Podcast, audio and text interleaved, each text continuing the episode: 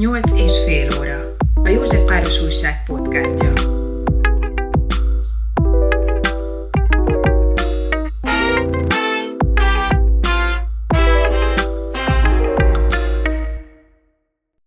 Nyolc és fél óra vendége Karácsonyi László, Balázs Béla díjas magyar író, filmtörténész.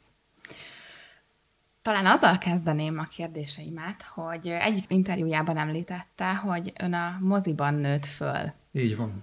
Erről mesélne nekünk egy kicsit, hogyan is volt, hát és ez az melyik ötven, mozikban? Ez az 50-es évek eleje, amikor a mozin kívül nem volt más szórakozási időtöltési forma, televízió még messze nem volt, opera bérletünk ugyan volt, de az, az ritkán volt egy hónapban egyszer. És én Csonka családban nőttem föl, anyám, illetve anyák neveltek, de ebben most nem menjünk bele. Van olyan ember, akinek egy apja sincs jelen az életében, de két anyja van, zárójel bezárva. És első általánosban beteg is voltam. Kaptam egy szívizomgyulladást, sokat voltam otthon, és mondta a jó Doki bácsi, aki itt lakott a Brodi Sándor utcában, hogy ugyan már vigyék moziba ezt a gyereket, hogy ne üljön mindig folyton, és ne gondoljon arra, hogy holnap vérvételre kell menni a Trefort utcai rendelőbe. Valahogy így kezdődött, és hát a környéki mozik. Elsősorban én már csak így mondom az Omnia, akkor nem így hívták, hanem volt valami hosszú neve, hogy Nyomda és Papíripari Dolgozók Szakszervezetének Művelődési Háza. De a régi neve Omnia volt, a Kölcsei utcából nyílt a bejárat, oda vittek elsősorban, sőt, odatták a mozipénzt, én lementem, és Manyi a pénztárostól kértem két forintos jegyeket, és mentünk, aztán vittek, vittek nagyobb mozikba is, Korvinba például. Emlékszem, hogy még romokon keresztül mentek, mentünk anyámmal, és a Csoda gyerekek című nyugat-német, akkor még volt ilyen országfilmet vetítették. Hát ez jó pár évig tartott, hogy vittek, olyan filmekre is, amiket állítólag nem ért a gyerek. Arra emlékszem, hogy 57-ben bemutatták a Bakaruhában, akkor voltam 10 éves, és mit nézzünk meg, és azt mondja anyám a szomszédnak, hát á, úgyse érti a gyerek. De a gyerek azért értette, mert egy jó film volt, nagy film volt Bara Margittal és Darvas Ivánnal. Aztán jött egy vágás, egy következő korszak, amikor elkezdtem önállóan járni moziba. Ez úgy 12-13 éves korom táján, nyári vakáció, két és fél hónap, megvettem a fővárosi moziműsort, egy forint 20 fillére volt, és először jelölgettem, hogy mit nézek, meg aztán mindent. Egy idő múlva barátaimmal, két ilyen barát, mozis őrült barátom volt, mindent megnéztünk. Jó két-három éven keresztül. No, így kezdődött. Melyik az, hogy ha egyáltalán van olyan, ami olyan nagy hatással volt önre film, hogy azt gondolta, hogy akkor majd későbbiekben komolyabban is szeretne a tudományos szinten filmekkel és mozival foglalkozni? Hát tudományos szintre még nem gondoltam, de arra nagyon sokáig gondoltam, hogy filmrendező leszek. De ha már nagy hatású filmet kérdez, akkor egy cím nekem mindig beugrik, egy olasz neorealista film az 50-es évek közepéről, az a címe, hogy Holnap már késő, egy diák szerelmemről szólt, és az volt az érdekessége, hogy először 16 éven felüli korhatáról vetítették, de aztán valami oknál fogva levették a korhatárt, hogy ezt kisebb gyerekek, mit tudom, ilyen kiskamaszok is megnézhetik. Engem is elvittek, és tényleg, tényleg nagy hatással volt rám, nem emlékszem semmire, csak arra, hogy valami, ami, ami fokozza ugye a, egy film hatását, ami öngyilkosság, szándék, vagy valóban megtörtént öngyilkosság volt benne. Na ez volt egy, ez úgy 56 körül volt körülbelül a mi hatás. Hát olyan hatások értek később már kicsit felnőttebben, érettségére készülve, hogy voltak olyan helyek Budapest belterületén, amelyek nem mozik voltak hivatalosan, hanem különleges vetítőhelyek. Egyik ilyen volt a Filmmúzeum, a másik meg az egyetemi színpad. És mind a két helyre jártam. Jártunk egyedül, meg barátokkal is, a Filmmúzeumnak az volt az érdekessége, hogy volt egy nappali műsor, amire pénztárnál lehetett jegyet venni. De volt bérlet, minden héten másik film, eladták 5-6 darabban a bérletet, ilyen vegyes felvágott volt, de mindig voltak benne olyan nyugat-európai filmek, amelyeknek ilyen zárt körű forgalmazása volt, és akkor odálltunk a mozi elé, és mindig volt átadó bérlet. Kifizettük azt a 68 forintot, megnéztük a filmet. Egyetemi színpad egy más, más tészta volt, azt a, a gimnáziumba jöttem, volt egy szervező srác, aki hozott jegyeket. És emlékszem, hogy először nem is invetítésre, hanem egy képzőművészeti előadásra tévedtem be, a konstruktivizmus 20. századi avantgárdokról volt szó. Aztán láttam a műsort, premier előtti magyar filmek, sorozatok, a Magyar Filmarchívum kincseiből összeállított műsorok, amit diákok szerkesztettek nálam egy pár évvel idősebb korosztály. Aztán én is bekerültem ebbe, mikor már bölcsészkarra jártam, akkor már én is szerkesztettem ott műsorokat. Na ez volt a különlegesség, ami oda terelt, hogy a filmrendezés. Na most az tudható, hogy akkor a 60-as években, amikor érettségiztem, három-négy évenként volt felvételi vizsga. Mire oda jutottam volna, hogy jelentkezzem, meggondoltam magam, és inkább bölcsészkarra. Oda könnyebben fölvettek, mert legenda, hogy 800-an jelentkeztek, 8-10 helyre filmrendezőnek, és oda 8-10 helyből egyet-kettőt acélelvtársnak a kedvezményezettjei mindig elvittek. Tudnék neveket mondani most, de nem akarok, hogy kik voltak azok. Pedig nagyon érdekelne. ja, akkor mondok egy nevet, például Szalkai Sándorról tudni lehet, aki, aki már nincs az élők sorában, nem futott be nagy pályát, csinált egy-két játékfilmet, de a, a végén, ha jól emlékszem, mikor rendszerváltás táján, vagy mellette felszabadult a erotikus cenzúra, striptease műsort rendezett, vagy az Asztóriába, vagy a Múzeum kávéházba. Ennyit egy filmrendezőről. Bocsánat. A nyolcadik kerületben lakik. Mai mindig napig. Is, mindig is itt lakott? Itt születtem, ide vittek haza a Baros utcai nőgyógyászati klinikáról. Nem mondom meg melyik évben, de már az előbb elárultam, hogy körülbelül ez mikor lehetett ez az esemény. És a Bródi Sándor utcai? Igen, igen. Igen. Abban a házban, ahol Jókai Mór is lakott két évig, van emléktábla, azért költözött el, mert itt halt meg a felesége, a Laborfalvi Róza, és akkor tovább ment innen. De itt az első emeleten lakott, hát tudom, hogy erkélyes lakásban nyilván a legjobb helyen. Akkor egy kicsit kérdezgetek a nyolcadik kerületről, hogy ön hogy látja, milyen változásokon ment keresztül az a rész, ahol ön lakik? Hogyan ítéli ezt? Hát az, ha az egyáltalán el... átment változások. Hát persze, hogy hát rengeteg változáson ment át. Ha a házat nézzük, a bérházat. Gyerekkoromban most ugye 50 albetét van, 50 lakás, 4 emelet, mindenki ismert mindenkit. Volt egy csomó gyerek, 8-10 azonos korosztályú gyerek. Folyosón játszottunk, megőrítettük a lakókat. Ma ugrok egyet az időbe, ma a lakások egynegyede üres, vagy meghalt a tulajdonos, vagy nincs bérbeadva, kiadva. Idegenek jönnek, mennek, három hónapig vannak jelen, eltűnnek. Nagyon kevés régi lakó van ismerős, akinek, akinek egyáltalán köszönünk egymásnak, hogy szóba állunk. Ez elég siralmas változás az én szememben. Van egy legendárium bennem, ugye írtam regényeket is, és mindig eszembe jut, hogy hú, de jó regényt lehetne írni erről, hogy mi volt itt 45-ben legendás történet, hogy szovjet katonák voltak beszállásolva, és ott volt valami parancsnokság az első emeleten, és jött egy részek kis katona. Fölment a másodikra.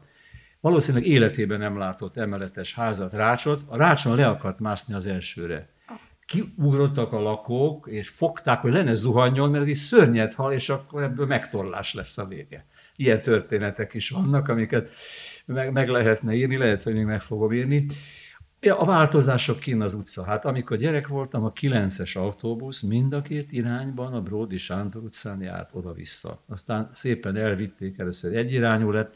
Ma mind a két oldalon állnak a parkoló autók, és azért imádkozunk, hogy megcsinálják azt, mint a Mária utcában, meg a Horánszkiban, hogy csak egy oldalas parkolás legyen, meg legyen több fa.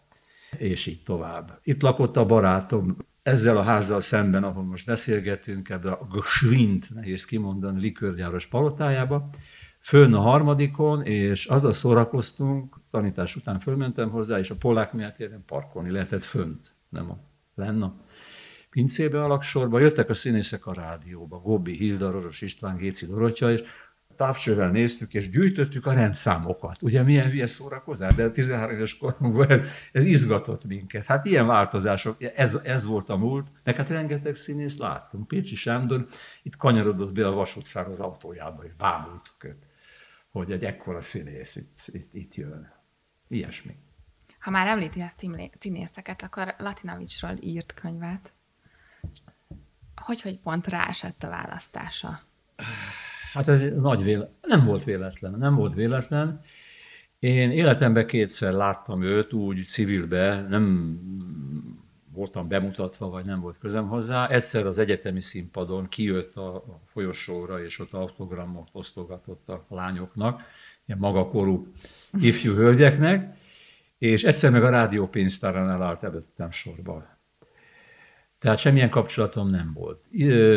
Dolgoztam a Filmtudományi Intézetben, és volt egy könyvsorozat, úgynevezett kiskockás, ahol rendező és színész portrékat lehetett közölni, és én írtam egyet Zbigniew Cibulszkiról, a trojkos sorsú lengyel színészről, akit már nem tudom, hogy hány hallgató vagy fiatal ismer, 40 évesen meghalt egy vonatbalesetben, de a nemzedékünknek egy emblematikus figurája volt. Ha beszélgetek rendezőkkel, András Ferenccel például, rajongott Hamu és Gyémántért, mert Cibulszki a főszerepet játszotta. Na, róla írtam egy kis könyvet, annak elég szép sikere volt, mert nem mint tudós, hanem mint író álltam a feladathoz hozzá, tehát megpróbáltam a tények mellett valamit belevetíteni a könyvbe, hogy olvasmányos legyen, átélhető legyen. És akkor a, mondta a főnököm, aki szerkesztette, hogy írjál még. És akkor épp az említett Pécsi Sándor volt az egyik jelöltem, a másik Alatinovics volt, és hát akkor már nem élt, ez 1980, nem, 78-ban volt a felkérés, 79-ben, és akkor őt választottam, és végignéztem az összes játékfilmjét, színházi előadások, hát akkor, a, amit láttam, láttam a Tótékban, láttam még a Vix Színházban őt játszani, érettségiző koromban körülbelül, bele lehetett szeretni, nem mint férfi, hanem mint színész. Egy fantasztikus színész volt, meg hát az egész sors, ami, ami most nem, nem erről beszélünk, hanem a mozikról, meg a Józsefvárosról, de így jött az ötlet, aztán olyan sikere lett, hogy azóta négyszer is megjelent, egyszer az a kötet kibővítve, és csináltam egy olyan szövegösszeállítást, amiben az életének a dokumentumai vannak benne, és én bele-bele szólok, beleírok közé. Ez tavaly jelent meg éppen. Tervez még hasonló ilyen művet? Színészekről nem, nem írnék, nem, nem, ilyet nem tervezek, regényeket tervezek, meg drámákat, most ezek foglalkoztatnak. Meg mindig jön valami, valami filmes fölkérés, rendszeresen publikálok a filmviláglapba, mindig akad valami olyan kérés, miután kihaltak előlem a régi nagyok, olyanok, mint Nemeskürti István, vagy Karcsai Kulcsár István, akik a, jól ismerték a 20-as, 30-as évek magyar filmjét. Hát most már a, azt mondja valaki, hogy régi film már egy 1960-as film is régi filmnek számít, nem csak a Kabos Gyula meg a Karádi Katalin. Filmekről még írok helyel közel, de regényeket, drámákat tervezek és írok. Most is benne van valami projektben, ha jól tudom. Benne vagyok projektben, mert az udvari kamaraszínház számára, most már ki lehet mondani, írtam egy három felvonásos történelmi játékot Szent Erzsébetről. Hirtelen jött az ötlet, magam sem gondoltam volna még rá tavaly, hogy erről írni fogok, de ismerem a társulatot, a színészeket nagyjából, és kaptam egy lökést, hogy van-e, van egy olyan, talán van ott olyan színésznő, aki ezt el tudja jól játszani, Elmondom benne a Szent Erzsébet történetet, elejétől a végéig. Ilyen egyszerű, egy, egy példaértékű sors. Ugye a Rózsa királynő a címe, mert van a Rózsa csoda, hogy azzal vádolják, hogy a szegényeknek pazarolja a Wartburgi vár kincseit, és kenyeret süttet nekik, és akkor megállítják az erdőbe, és megmutatja a kötényét, és a rózsákká változtak csoda által azok, amiket amiket ő, ő oda akart adni a szegényeknek. És ez mikor lesz látható? Hú, hát nem tudom, ez még talán nem is jó, hogy én ezt kibeszélem, de a színház igazgatója lényegében elfogadta a darabot, kell gyártsunk egy játszható szövegkönyvet, mert az ember ül otthon, nem gondol arra, hogy két jelenetben ne legyen ugyanaz a főszereplő, mert annak ki kell menni, át kell öltözni, szóval a színszerűség dolga. Ezt el kell végezni rajta, és hát remélem, hogy a jövő évadban ez esetleg a dolgok szerencsés együttállása során színpadra kerül. Dolgozott a Magyar Rádióban, igaz? Igen. Tudna mesélni meghatározó élményeket? Két ízben is dolgoztam, mind a, egyszer állományban, egyszer meg állományon kívül. Meghatározó élmény volt a második, hogy mikrofon elé ülni élőadásban. Mert egy zenei szerkesztő, aki a, sajnos meghalt azóta, a Varga F. István, akivel egy házban laktunk, és tudta rólam, hogy mennyire komoly zene rajongó vagyok, hogy esztétika szakos diplomám is van, meg imádom a zenét, az előadókat, a komoly zenét, és fölkonferált, bevezetett, hogy kérjenek föl a muzsikáló reggelbe. És általában vasárnaponként voltam, nem mindig voltak ilyen civil zene diploma nélkül, Tarján Tamás, mások így is vezettünk műsort, Hát első a drukul, de utána már nagyon-nagyon ment a dolog, hogy, tudtam, hogy kell kezelni a, a köhögő gombot, meg mikor, mikor mit mondjak. Hát ez abból állt, hogy voltak a zenei részletek, és, és előtte mondtunk valamit. Messze nem úgy, mint a rajongott kedvencem a Bősze úr, aki egy fantasztikus műsorokat csinál, támadják is, de én imádom. Hát ez volt egy rádiós élmény, hat évig csináltam, és akkor jött egy olyan, jött egy új vezetés, aki azt mondta, hogy csak zenei szakképzettséggel lehet odaülni a mikrofon elé, akkor minket ilyen készletkisöprés volt, vége. Szép volt, jó volt, nem bántam különösebben, élveztem.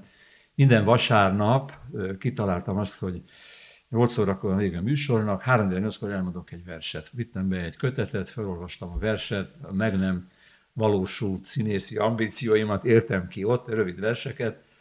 Jó volt, szép volt. Dolgoztam nagyon rövid ideig, ez egy nem túl szép történet, a rádió műsor szerkesztőségében. Röviden úgy annyi volt, hogy a, a rádió műsort, amit a, ami a rádióé volt, az alakuló Vikó, a meggyilkolt Fenyő úr kilopta és máshol csinálta meg az újságot. És akkor a Magyar Rádiónak gyorsan alapítani kellett egy új műsorújságot, teljesen jogosan. És akkor egy, egy kollégám, barátom már ott dolgozott, és egy kedden délután egyszer fölhívtak, hogy Laci, tudnál egy órán belül írni egy tárcát, mert van egy üres oldal. Hát, órán belül nem, de elmegyek a gyerekért az óvodába, aztán megírtam, és a jövő héten meg már ott dolgoztam. Akkor fölvettek állományba, de röviden zárva volt egy pucs, leváltották a állt, aki odavitt minket, az általunk nagyon kedvelt főszerkesztőt, Nádor Tamást, aki már nincs az élők sorában sajnos, és akkor testületileg fölálltunk, eljöttünk, pedig szép fizetést adtunk ott. Ott van a kezemben a Mozizó Budapest című könyve, és itt a hátulján azt írja, hogy a kis piszkosoktól a filmszínházakig, a csőmozitól a sor, soktermes multiplexig. Mit gondol, mi a mozi sorsa? Jó.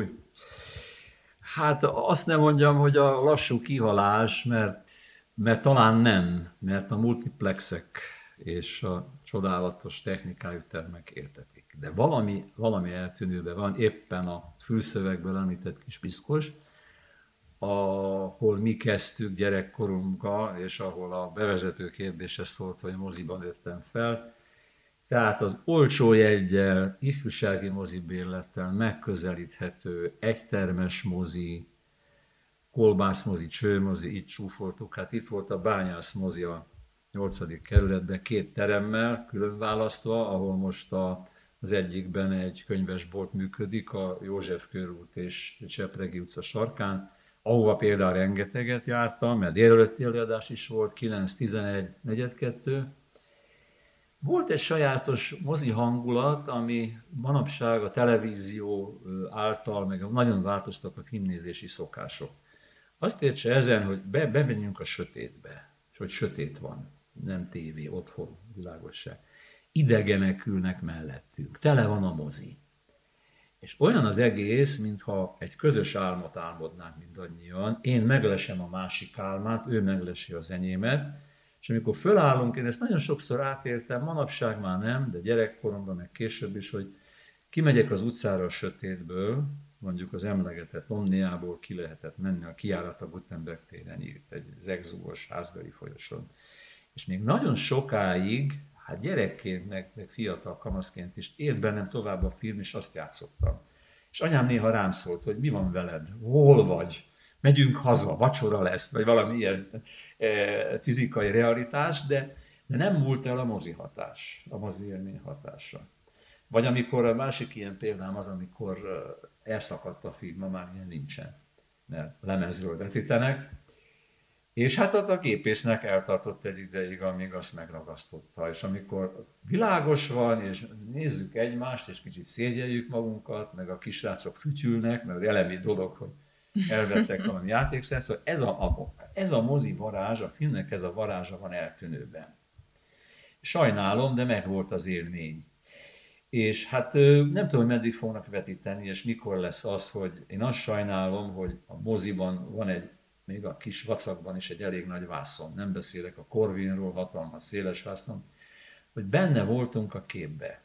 És ahogy ez zsugorodik, a televíziónál, a szobában már kisebb kép van, a laptopon még kisebb kép van, és itt van a telefonom, abban van, aki abban néz filmet, de tenyérbe elfér. Hát az milyen élmény, könyörgöm. Nem, nem tud úgy bevonni. Jó, adja magát a film, meg lehet ismerni, de nincs meg az az élmény, hogy én ott le vagyok nyűgözve, hogy én bele tudok sétálni egy történetbe. Mert ez volt a lényege, hogy bele tudtam menni a, a szereplők közé.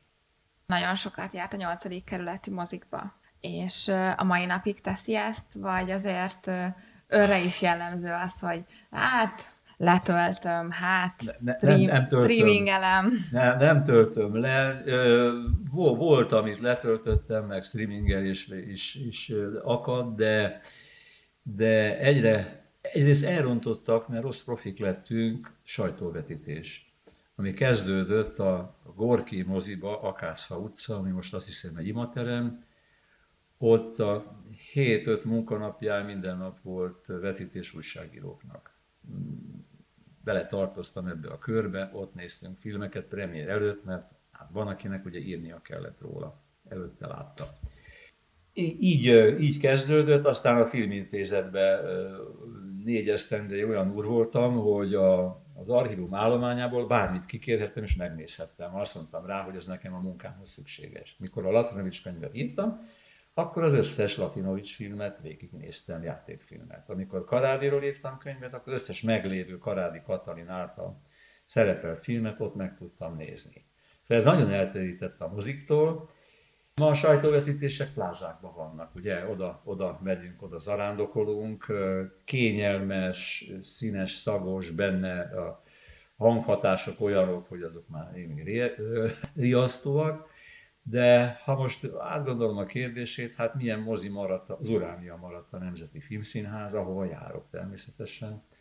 Mentünk opera előadásokat is nézni, mert szerencsére metropolitan előadást is láttam, jó néhány kedvenc operámat meg tudtam nézni, amit éppen nem játszanak az Erkelbe vagy az operában. Korvin mozi is üzemel még. Hogyne, hogyne, oda is. Hát ott az egy teremből, abból az egy fantasztikus nagy színházat játszó teremből nem is tudom hány, hat vagy hét kisebb terem lett a híres emberek Lataváról, Karádiról, Radványi Gézáról elnevezett termek működnek, amely működnek ma is. Van egy nagy, a felelete, tehát ez is megadja, egy hatalmas lemezgyűjteménye. Eredetiek és másolt lemezek is, elárulom, hogy nem tudom, hogy tud erről, a versenyutcában a keleti pályaudvar mellett volt egy bolhapiac sokáig, ahol 500 forintért illegálisan lemezre letöltött filmeket lehetett vásárolni. Ha jöttek az ellenőrök a, a naftól, akkor összepakoltak, elmentek, de minden vasárnap majdnem ott, ott lézengtem is, észtem onnan is be. Minden nevő vagyok, tehát mindenféle műfajt szeretek. Nekem a nyolc és fél ugyanúgy remek mű, mint a Pretty Woman. Most azért meg fognak vetni néhányan. hogy fognak, nem gondolom. Um, egy pár szót mesélne a Duna televíziós pályafutásáról? Vagy hogyan na, került nagyon, oda? Na, nagyon szívesen. Dolgoztam egy nagyon hamar megszűnt, de nagyon jó heti lapnál, a köztársaságnál. Nem, a, a, történet, a kor, történet korábban kezdődött a rádióban. A rádióban kitaláltam a rádióságban, hogy, hogy egy, írok egy hasábot újra néző címen, akkor indult a Duna TV, és mivel nem volt még önálló műsor, gyártás, levetítették az egyetemes és a magyar filmtörténet összes remekművét. És ez annyira jó volt, hogy minden héten írtam egy ajánlót az egyik filmjükről. Ugye eljöttünk onnan, alulunk lényegében megszűnt az újság, jött ez a kultúrá, nem kulturális heti lap, egy nagyon színvonalas mindent közlő, minden evő heti lap volt a köztársaság, egyszer csak kapok egy csomagot. Jött egy valamilyen operőleadás zenei felvétele. A Duna televízióban dolgozott, mondom is mindjárt a nevét, egy nagyon agilis, nagyon kedves sajtós, Sipos Saroltának hívták, hívják, még ma is megvan, ő küldte, mert olvasta az írásaimat, megkeresett, és fölkért arra, hogy én írjak jóval többet a Duna TV műsorairól.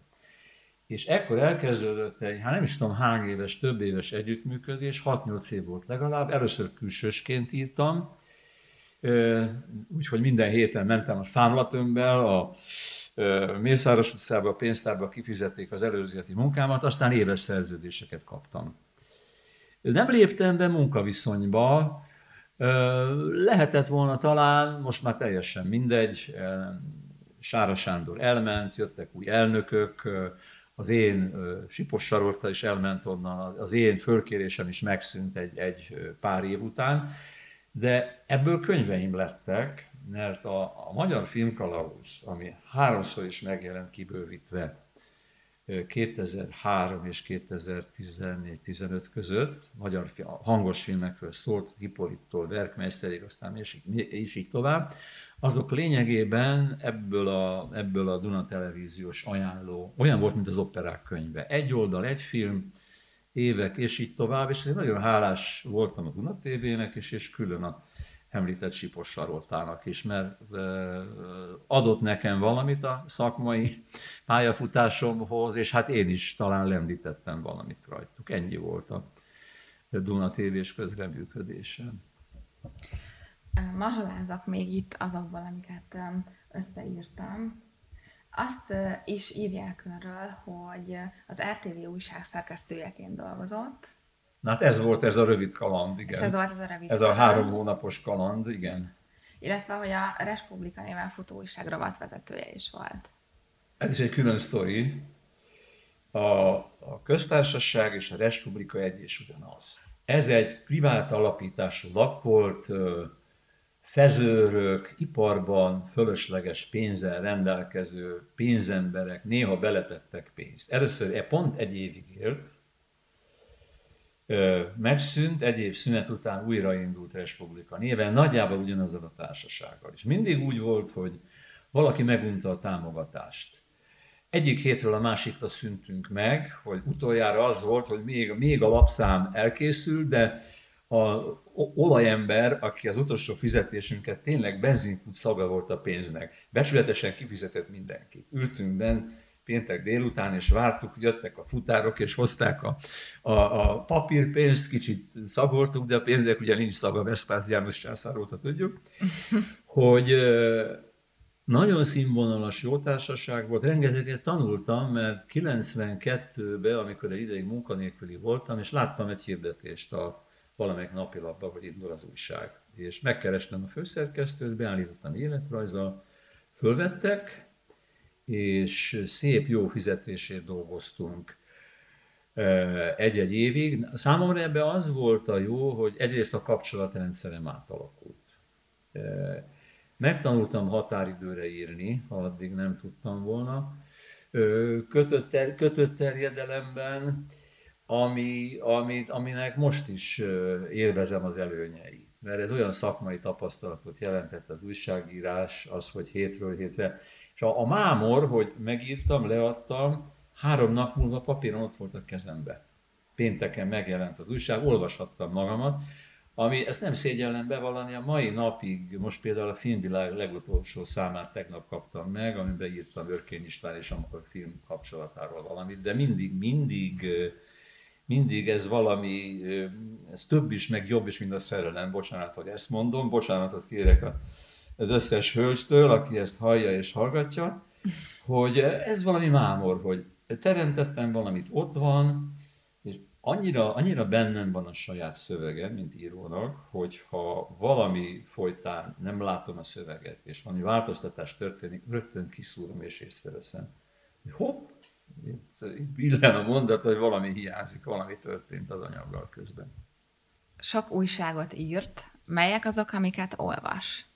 Húha, hát ö, nagy olvasója voltam. A húha annak szólt, hogy ma ez egy borzasztóan megosztó kérdés. Azért is de, de, de jól tesz, hogy föltette, nagyon-nagyon sokáig lelkes olvasója, szerzője voltam az élet és irodalomnak. Erről kicsit leszoktam, nem kifejezetten politikai okok miatt, hanem azért, mert a lap fele olyan anyagokból áll, hosszú kolumnás, óriás cikkek, gazdaságpolitikáról, politikáról, ami nem érdekel igazán. Nehezen nem érthető? Nem mondanám, egyetemi diplomával érthető, uh-huh. de, de úgy vagyok vele, hogy már bocsánat, nagyon szubjektív megjegyzésem, miért pazaroljam a szememet, az energiámat arra, amikor Jókait és Krúdit is olvashatok e helyet. Értem. A lap második fele, akit mindig elolvasok, itt most nagy dicséret jön, Fáji Miklós zenekritikus. Majdnem én voltam a helyén, vagy én kerültem a helyére, mert a Népszabadság 91-92 táján, amikor oda írtam rendszeresen cikkeket, zenekritikust keresett. És a szerkesztő vagy főszerkesztő értes megkérdezett, mert olvasták egyéb novellákat, meg egyéb filmes írásomat, hogy, hogy nem akarnál zenekritikus lenni? Hú, mondom, hát nincs semmi képzettségem, szeretem a zenét, jártam ugyan szabad egyetemi zeneesztétikai előadásokra, de ezt nem vállaltam, mert, mert Hájobb Kovácsi dilettáns lettem volna, ha ezt vállalom, és Fáj Miklósnak még ha pere is volt, tudom, emlékszem rá, nagy fölháborodást váltott ki, szinte mindig egyet értek vele. Ha bemegyek az írók boltjába, mert nem veszem meg, mert drága a lap, pénteken e, a utolsó oldalon ott van az ő írása, azt elolvasom. És akkor megnyugodva térek haza, ugyanazt gondoltuk valamiről. Tehát nap, napi lapok rendszeres előfizetője voltam, hát egy hosszú történet a magyar nemzetnek. Még a, a rendszerváltás előtt. Amikor az volt a egyetlen olyan szörmentén ellenzéki újság. Hát a, a Rádai Mihálynak ott volt rovata, meg a tévéműsor, mi azt úgy néztük, hogy hogy a városvédés ügyén valami olyan, olyan élményt ad át, és olyan életmódra hívja fel a figyelmet, ami akkor még nem volt bevett. Meg ő tudom, hogy őt is ferdeszebben nézték el, mint a televízióban a műsorait akadályozták. Aztán odaírtam novellákat a Magyar Nemzetbe, egyszer csak megszüntették az irodalmi rovatot.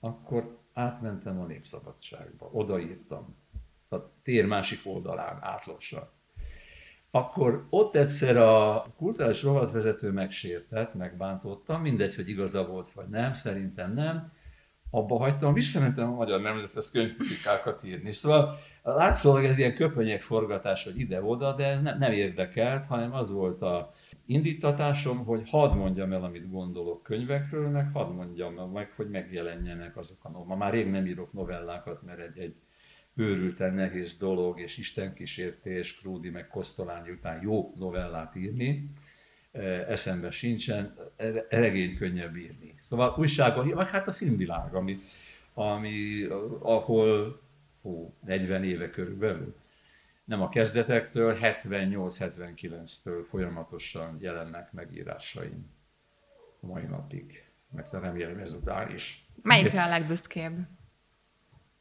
Hát volt egy jó kérdés, beletalált valamiben, volt egy olyan 80-ban jelent meg, még csak készültem a Latinovics életrajzkönyvre, már kéziratban megvolt, és írtam egy Latinovics szindróma címen egy cikket, hogy miért lett Latinovics Zoltánból a halála után legenda, vártesz és védőszent. Nagyon tetszett a szerkesztőségnek, akkor a filmgyárban dolgoztam, rendezők a kezemet szorongatták, Ám jól tudom, hogy a Létaiver a főszerkesztőt nem csak emiatt a cikk miatt, de mindig voltak, hát ez már ilyen rémtörténet, meg ennyi, de utána 30 alattiak nem tudják, hogy voltak ilyen főszerkesztői fejtágítók értekezletek, ahol az összes újság, napilap, hetilap, havonta egyszer, nem tudom hányszor, valahol pártközpontban eligazítást tartottak. És tudom, hogy a Létai Verának, meghalt azóta, akit nagyra becsültem, és ő is engem, tudtam meg utólag, tartott, tartania kellett a hátát, mert név szerint kiemelték, hogy állítólag ez elhangzott acél szájából, hogy meddig űznek még kultuszt ebből a valamilyen jelzőt mondott színészből, aki latinusra vonatkozott a megjegyzése. No, erre lehetnek talán legbüszkébb. Ja, egyébként hozzá kell tenni, hogy a filmvilág több lappal ellentétben ingyenesen fönn van a neten. Tehát beírja a keresőbe évet, dátumot, a nevemet, megtalálja azt a cikket. Rendben, biztosan rákeresek. Kíváncsiskodnék még annyiban, hogy vannak-e most a kerületben kedvenc helyei? Van. E- először is a Revicki utca. Mikor jó pár évvel ezelőtt, hát több mint kb. 15 éve elültették először a fákat, és azok, amikor virágzanak áprilisban, az egy fantasztikus. Az oda vezető út a Központi Szabó Ervin könyvtár, ami a második otthonom lett, mert a, az OSK-ról leszoktam, mert már nincs olyan munkám, hogy a Széchenyi könyvtárba kelljen mennem, és csak egy séta fölmenni, ahol pazar dolgok vannak, olyan dolgok kim vannak szabadpolcon, amit a Széchenyi könyvtárba kérni kell a raktárból. És hát kávézók, sajnos megszűnő új alakú, nem mondok neveket, mert ezek vendéglátó helyek és reklámnak tűnnének, de, de az a sor, amikor a, a, kijön az ember a könyvtárból, a Szabó Erminből, és elindul a Kálvin tér felé, egy csomó hely van, ahol le lehet ülni, van a könyvszekér, ahol betegség megáll az ember még akkor is, ha nem vesz semmit. Vagy hát a múzeumkert. Nem tagadom, hogy olykor összehajtható mm, pléddel, pokróccal lemegyünk a feleségemmel, elnyúlunk a fűben. Hát ez Például. nagyon kedves.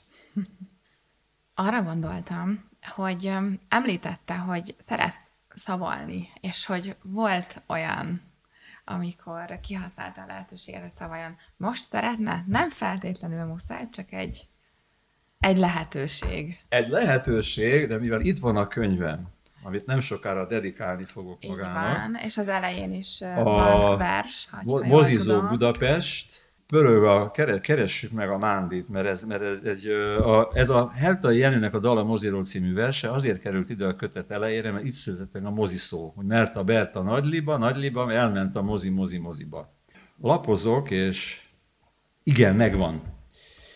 Mándi Ivánnak, aki e, szintén a moziban nőtt fel, szintén csonka családban, nem akarom magamat hozzá hasonlítani, egy élmény prózája, de olyan próza, ami szinte versként is van tördelve, mert úgy is írta, és nem hosszú. Akkor ezt. Rendben.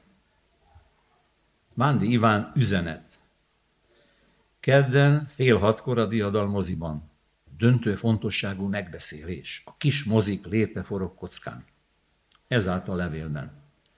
Átalakítás vagy éppen lebontás. Talán butikok nyílnak a helyükön bazárok bazárárúval. A gyűlésen majd minden kiderül.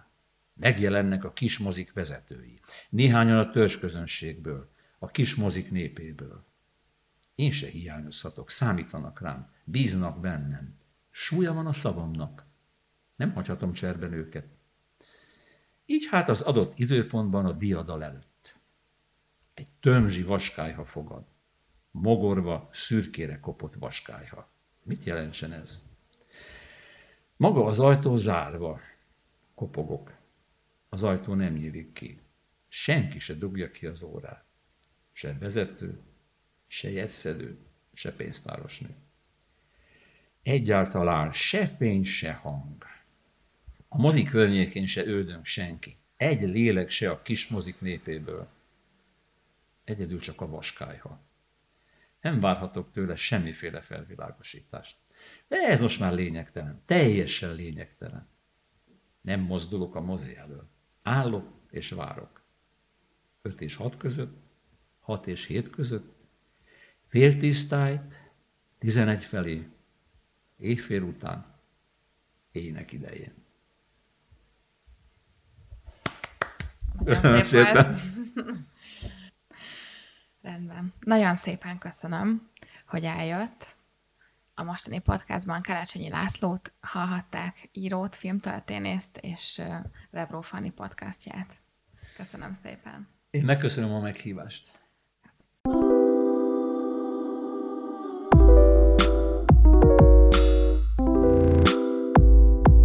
Nyolc és fél óra. A József Páros Újság podcastja.